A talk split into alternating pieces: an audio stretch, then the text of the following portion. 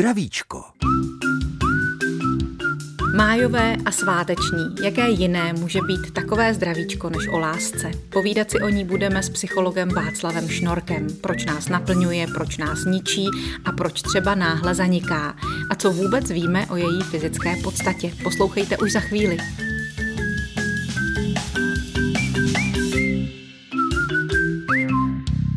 Dobré dopoledne, májové zdravíčko o lásce otevřeme s klinickým psychologem Václavem Šnorkem obligátní otázkou Petra Nováka, co to je láska, ale ještě předtím vítejte. Dobrý den. Takže, co je to láska?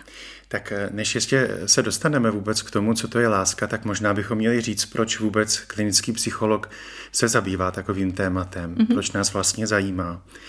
A je třeba říci, že řada lidí, se kterými se setkáváme v rámci pracovní činnosti, jedná se o pacienty, kteří přichází pro různé psychické problémy, tak my vlastně, když rozebíráme ty příčiny těch problémů, tak zjišťujeme, že často spočívají právě v blízkých mezilidských vztazích.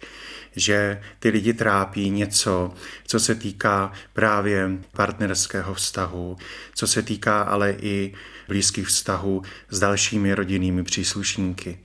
A protože láska, a teď se vlastně dostáváme k té definici, je vlastně emoce, je to velice pěkná emoce, komplikovaná emoce, tak tam máme vlastně to propojení s tělesným fungováním, protože emoce má dvě stránky. Jedna je taková ta prožitková, čili to, co, to, co vlastně pocitujeme, ale je tam pochopitelně také fyziologická reakce.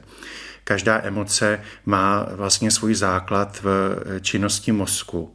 Čili můžeme dokonce hovořit o určitých oblastech mozku, které vlastně jsou zodpovědné za emoce.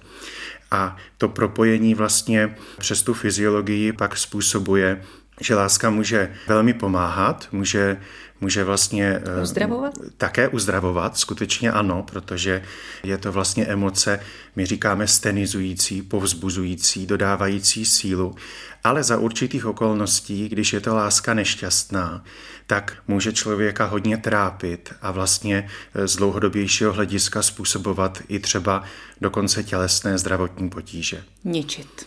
Může ničit. A pokud jde o to, co tedy je láska, tak my ji můžeme z toho psychologického hlediska vymezit určitými konkrétními pocity, můžeme popsat eh, myšlenky, které jsou s ní spojené a také jednání. Ty pocity zahrnují prožitek naděje, štěstí, spojené právě také třeba s opětováním lásky, Dále se jedná třeba o náklonost k druhému, pohodu, kterou zažíváme v kontaktu s druhým a také touha po druhém v jeho nepřítomnosti. Láska ale vede také třeba ke zlepšení sebehodnocení, takže lidé, kteří milují, tak vlastně mají sami sebe raději. A láska také znamená naději na jakoby dobrý život. I negativní pocity k lásce patří, nebo k tomu fenoménu, řekněme. To znamená, je to strach o druhého a je to smutek, který prožíváme při konci lásky. A to máme jenom ty pocity, pak jsou to myšlenky, to znamená, máme myšlenky na to, jak ten druhý je pro nás důležitý. Jedná se také o porozumění druhému, čili že, že jak si mu rozumíme, že můžeme říci, že víme, co prožívá, jak se třeba zachová, můžeme předvídat eh, jeho další kroky. Je to také nakonec i důvěra. No a potom samozřejmě jednání, čili láska se odráží v projevech něhy, samozřejmě v sexuální aktivitě. Důležitou součástí lásky je exkluzivita lásky. To je také často samozřejmě věcí diskuzí, jak to vlastně s tou věrností je, protože ta exkluzivita se vlastně dotýká eh, toho tématu věrnosti. Takže toto všechno je vlastně láska a intenzita lásky je pak vyjádřena přítomností těchto aspektů, čili v jaké míře jsou přítomny, vyskytují se a potom můžeme tedy mluvit o různé intenzitě lásky tak se jim budeme věnovat v dnešním zdravíčku s magistrem Václavem Šnorkem, hlavním klinickým psychologem nemocnice České Budějovice, zase za chvíli. Zdravíčko. Co je to láska? Je téma dnešního zdravíčka s Václavem Šnorkem, klinickým psychologem z Českobudějovické nemocnice. Pojďme to vzít od začátku, od zrodu lásky z psychologického hlediska. Dá se to nějak popsat a dá se třeba odpovědět na otázku, proč si vybíráme někoho a toho druhého ne? No, jednoduchá otázka, složitá odpověď. Tam hraje eh, roli řada různých eh, aspektů, od příležitosti se s někým setkat, to je docela takový důležitý faktor, často skutečně záleží i na tom, že prostě se s někým v určitém okamžiku setkáme. Jde tam o to, zda jsou určité třeba podobné vlastnosti, a to i ty, které se týkají například vzhledu. Čili je zajímavé, že máme takovou tendenci vlastně vybírat si partnery, partnerky podle toho, zda jsou ve stejné míře pohlední jako my například, čili to skutečně také hraje roli. Ale čili ono opravdu často, často vlastně vydáme, že i když samozřejmě každý člověk je jakoby svým způsobem krásný, ale řekněme, že jsou určité rozdíly a často vlastně, když potom pozorujeme páry, tak vidíme, že jsou tak jako podobně krásný, podobně pohlední. Takže to hraje roli. Ale samozřejmě na hlubší úrovni jde o to, že tedy je tam určitá schoda v takové té představě, co vlastně je v životě důležité. Jsou to vlastnosti, které eh, se potom týkají i třeba založení rodiny nebo vlastně toho fungování v takovém tom každodenním životě. Jinak ale můžeme přistoupit k tomu fenoménu lásky i z velmi vědeckého hlediska. To znamená, že máme vlastně určité teorie, které vysvětlují, co je láska a které potom nám eh, umožňují pochopit, proč třeba v určitých případech může ten cit být eh, uspokojující a v jiných případech tam mohou být docela velké komplikace. Ano, to bych se právě taky chtěla zeptat. Láska je někdy a možná docela často nespravedlivá. Říkává se, že jeden většinou miluje víc než ten druhý. Má na to teorie o lásce nějakou odpověď? To tak občas bývá. Ono to asi je těžké jakoby poměřovat, kdo, kdo vlastně miluje více, protože právě ta představa o tom, co to je láska, se, se může lišit. My vlastně chápeme lásku, jak už jsme řekli, jako, jako tedy určitý takový komplexní fenomén, který zejména se teda týká té emoční stránky, ale, ale nejenom. Můžeme říci, že zahrnuje tři takové složky. Jedna je intimita, kterou ale můžeme chápat jako blízkost, spíše tedy ona, to je slovo, které má více významu, ale v tomto se jedná o blízkost, čili takové to, že cítíme, že někdo nám rozumí, že je na naší straně, máme možnost s ním vlastně sdílet různé věci, což je, což je hodně důležité. A další takovou eh, složkou je vášeň, čili to je takový ten eroticko-sexuální aspekt, eh, který zahrnuje takovou tu fyziologickou stránku, která samozřejmě je také důležitá protože když jsme mluvili o tom, co třeba může dva lidi zblížit, tak existují také vlastně takové pohledy, které vychází z evoluční psychologie. Třeba, že při výběru partnera, partnerky zohledňujeme to, že budou třeba potomci a jaké vlastně budou mít podmínky ti potomci a jestli vlastně bude možné dobrým způsobem, jak si šířit geny. Takže Čili rozhodujeme se i podle toho postavení třeba toho budoucího partnera? Určitě ano. A taky počuchu. Ano, tak to rozhodně ano, to je také důležitá stránka a tam možná můžeme říci, že skutečně ty biologické faktory tam také se, se uplatňují. Ono jsou skutečně různé přístupy, to znamená, my najdeme psychologi nebo, nebo další odborníky, které více zdůrazňují takovou tu biologickou stránku, čili ty by třeba opravdu akcentovali ten význam evoluční, čili skutečně to, že tam jde hodně o to vybrat jaksi kvalitního partnera, který jaksi zajistí dobré podmínky, jak jsme řekli, pro ty, pro ty potomky. Na druhé straně pak jsou odborníci více takový, řekněme, jaksi psychologizující nebo sociologizující, kteří potom kladou větší důraz právě na otázku společných vlastností nebo i třeba to, jak je vlastně chápana láska v rámci společnosti. Ale abychom se vrátili, tak vlastně mluvili jsme o té vášni, čili to je taková ta biologická stránka a pak je také důležité důležité rozhodnutí nebo závazek. To je takový jakoby třetí aspekt.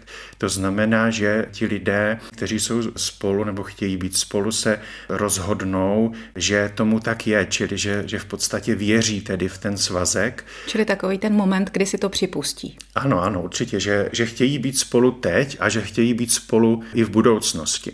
Ono to ještě může se také rozdělit, že může někdo chtít být s někým teď a nemusí chtít být v budoucnosti. Někdo taky chce být s někým teď na dvě hodiny. Ano, ano, přesně, samozřejmě. Je to, je, to, je to tak, ano. Čili toto jsou vlastně ty tři, tři aspekty.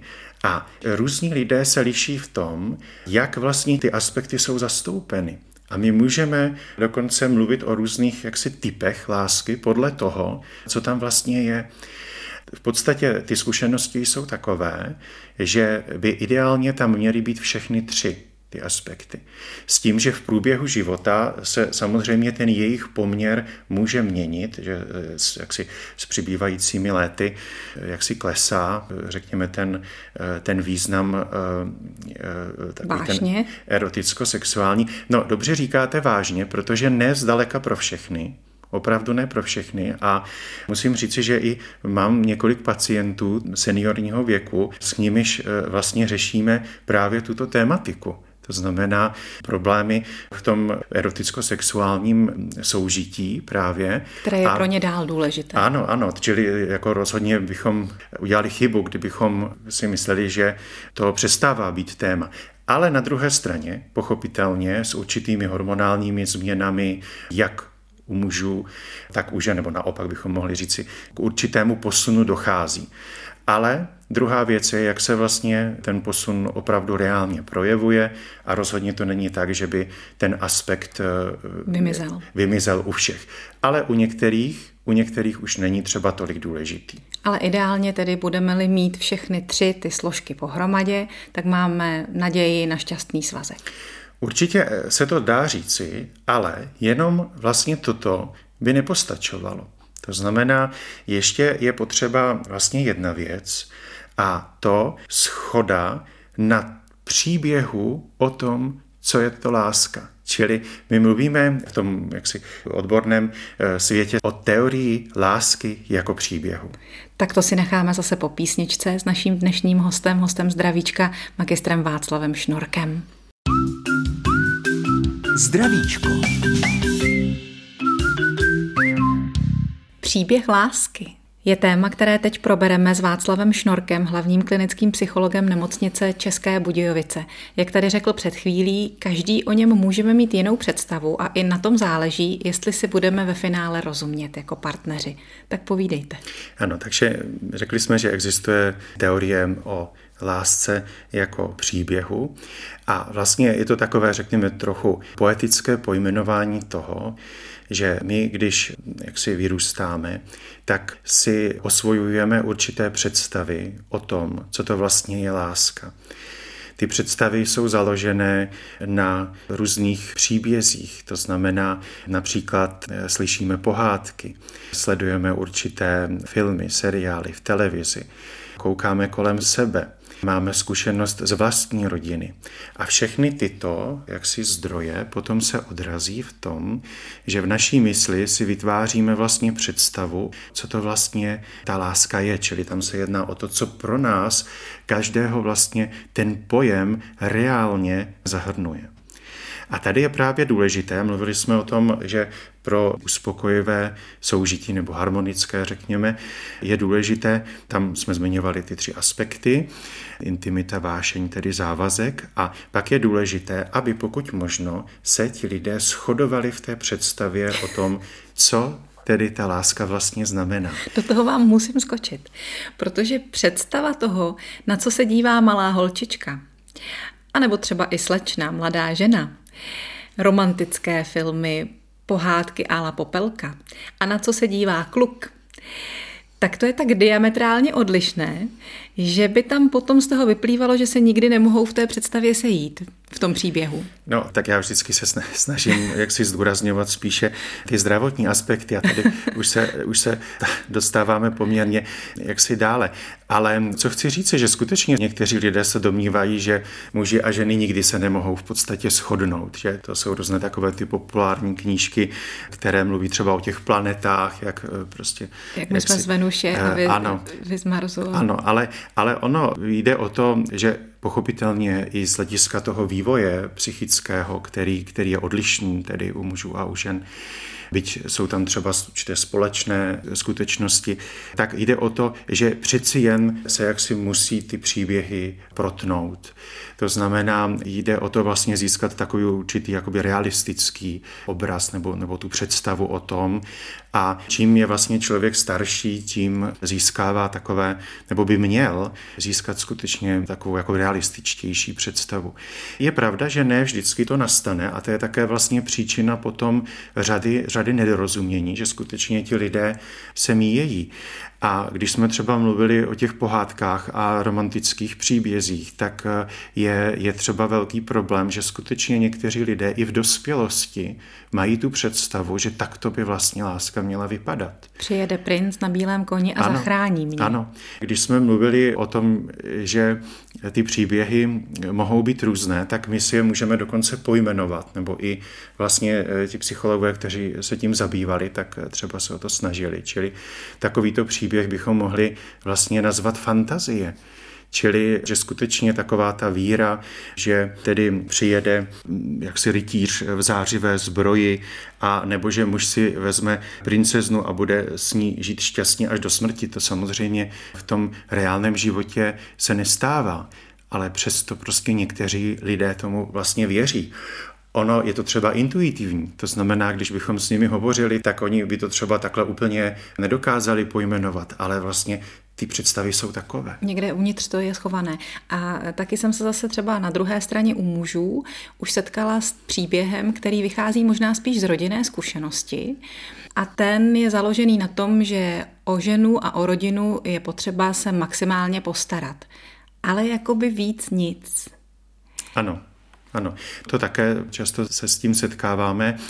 To je zase, zase jakoby jiný příběh. Ano, ano čili právě. o tom, jaká je ta role. A tam je potom problém v tom, že, že často vlastně ta žena by chtěla trochu něco jiného a možná méně toho instrumentálního zajišťování, skutečně, aby, aby tak toho jako materiálna, všechno, ano, ale ano, víc duchovna. Eh, více komunikace a podobně. Ale tam zase často je potom opačný extrém. To znamená, že ta představa dlouhých jakoby rozhovorů a povídání si o pocitech a podobně, to rozhodně nechci nějak snižovat, ale tam je otázka té vyváženosti. Ano? To znamená, že co skutečně vlastně lze očekávat.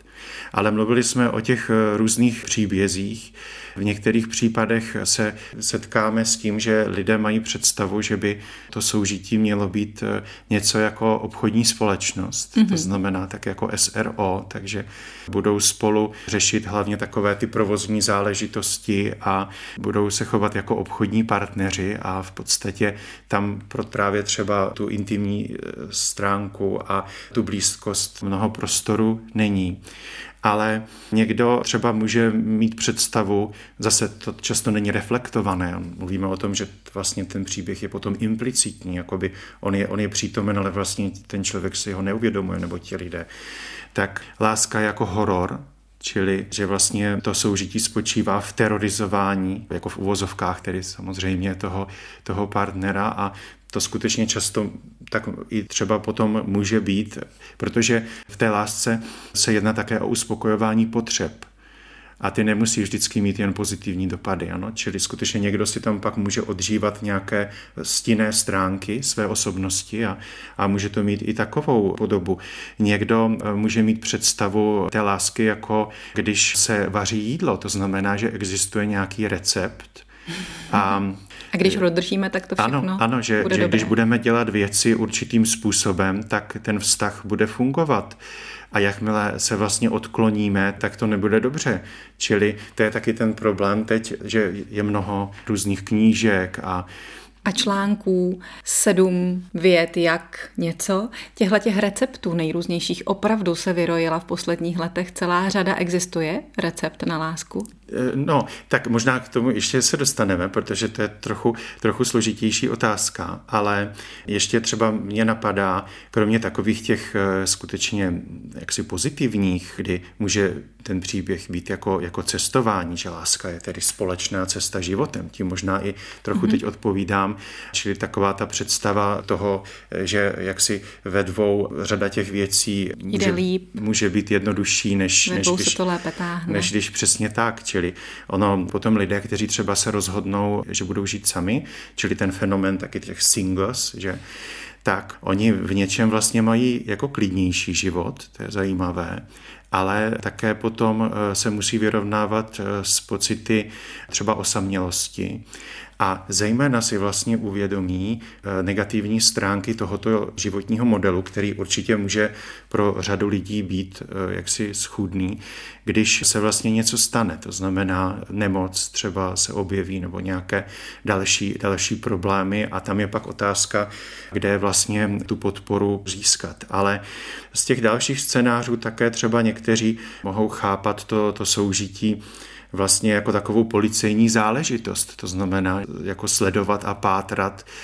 Ehm, kde je ten druhý. Kde je ten druhý a v životě, v životě toho druhého a vlastně se jak si ujišťovat, že všechno je v pořádku. Sci-fi také může láska jako sci-fi, ano? Čili někteří lidé mají pocit, že partner je mimozemšťan, jako v uvozovkách. Samozřejmě nemyslím doslova, ale to potom odráží takové to nepochopení. Jo? To nepochopení. No a řekněte tedy na závěr, závěr téhle kapitoly o příbězích lásky, co je dobře?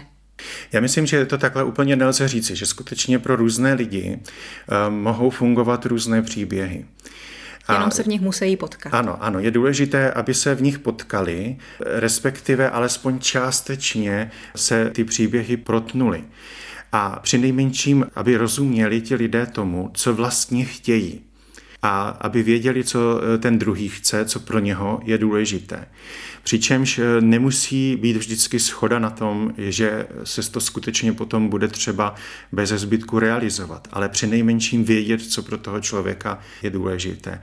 A ještě je tam hodně klíčové, můžeme říci, to, že ta moje představa nemusí být prostě jediná správná. Ano, to znamená, že tam je někdy ten problém, že se hledá nějaká jedna odpověď a prostě tak to je, tak to musí být a nic jiného vlastně neexistuje. Čili ta, ta otevřenost vlastně pro určitou jakoby rozmanitost.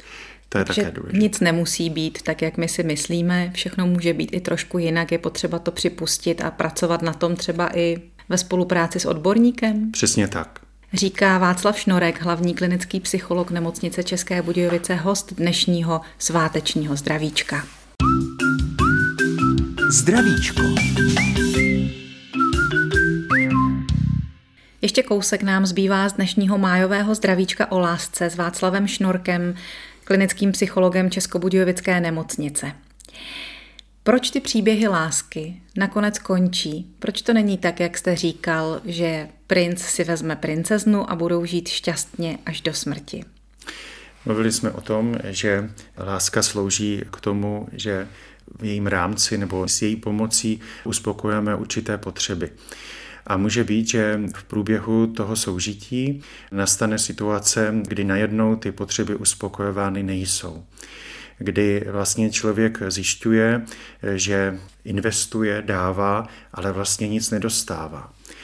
A pokud tam nejsou určité třeba okolnosti, které ho vedou k tomu, že si tu situaci třeba vyhodnotí tak, že i když vlastně nedostává, co potřebuje, tak stojí za to v tom pokračovat, což může být třeba například rozhodnutí zajistit dobré výchovné prostředí třeba pro děti, Čili to je určitě také jeden důvod, proč může i relativně neuspokojivé soužití vlastně pokračovat. Nebo pokud tam třeba nejsou ekonomické důvody, tak potom často si jeden nebo dokonce oba to vyhodnotí tak, že není důvod v tom pokračovat. To už jsou ty konce příběhů, kterým něco předcházelo. Ale láska může skončit celkem nenadále i třeba bezprostředně po té prvotní zamilovanosti. Vy jste říkal na samém počátku, že k lásce patří i smutek, bolest z toho, že láska skončila. Jak se to stane, že něco, co tak prudce vzniklo a rozkvetlo, najednou uvadne? Většinou ten důvod eh, spočívá v tom, že ta láska se neposune do nějaké další fáze, mm-hmm. čili často zůstává jenom u té zamilovanosti a je to v podstatě, můžeme říci, biologická záležitost, což vlastně na tom počátku opravdu často jakoby bývá. A tam potom jde o to, aby se rozvinul ten psychický vztah, čili ta psychologická stránka vlastně je důležitá a k tomu často potom nedojde. To okouzlení pomine a když mezi tím eh, se nepodaří nalézt vlastně další důvody pro to, aby, aby vlastně ti lidé pokračovali, tak ten vztah končí. Tak se k tomu ještě vrátíme, ale už ne dneska, nýbrž v příštím zdravíčku o lásce s naším hostem Václavem Šnorkem, hlavním klinickým psychologem nemocnice v Českých Budějovicích. Dnes vám děkujeme a krásný máj přejeme. Naschledanou.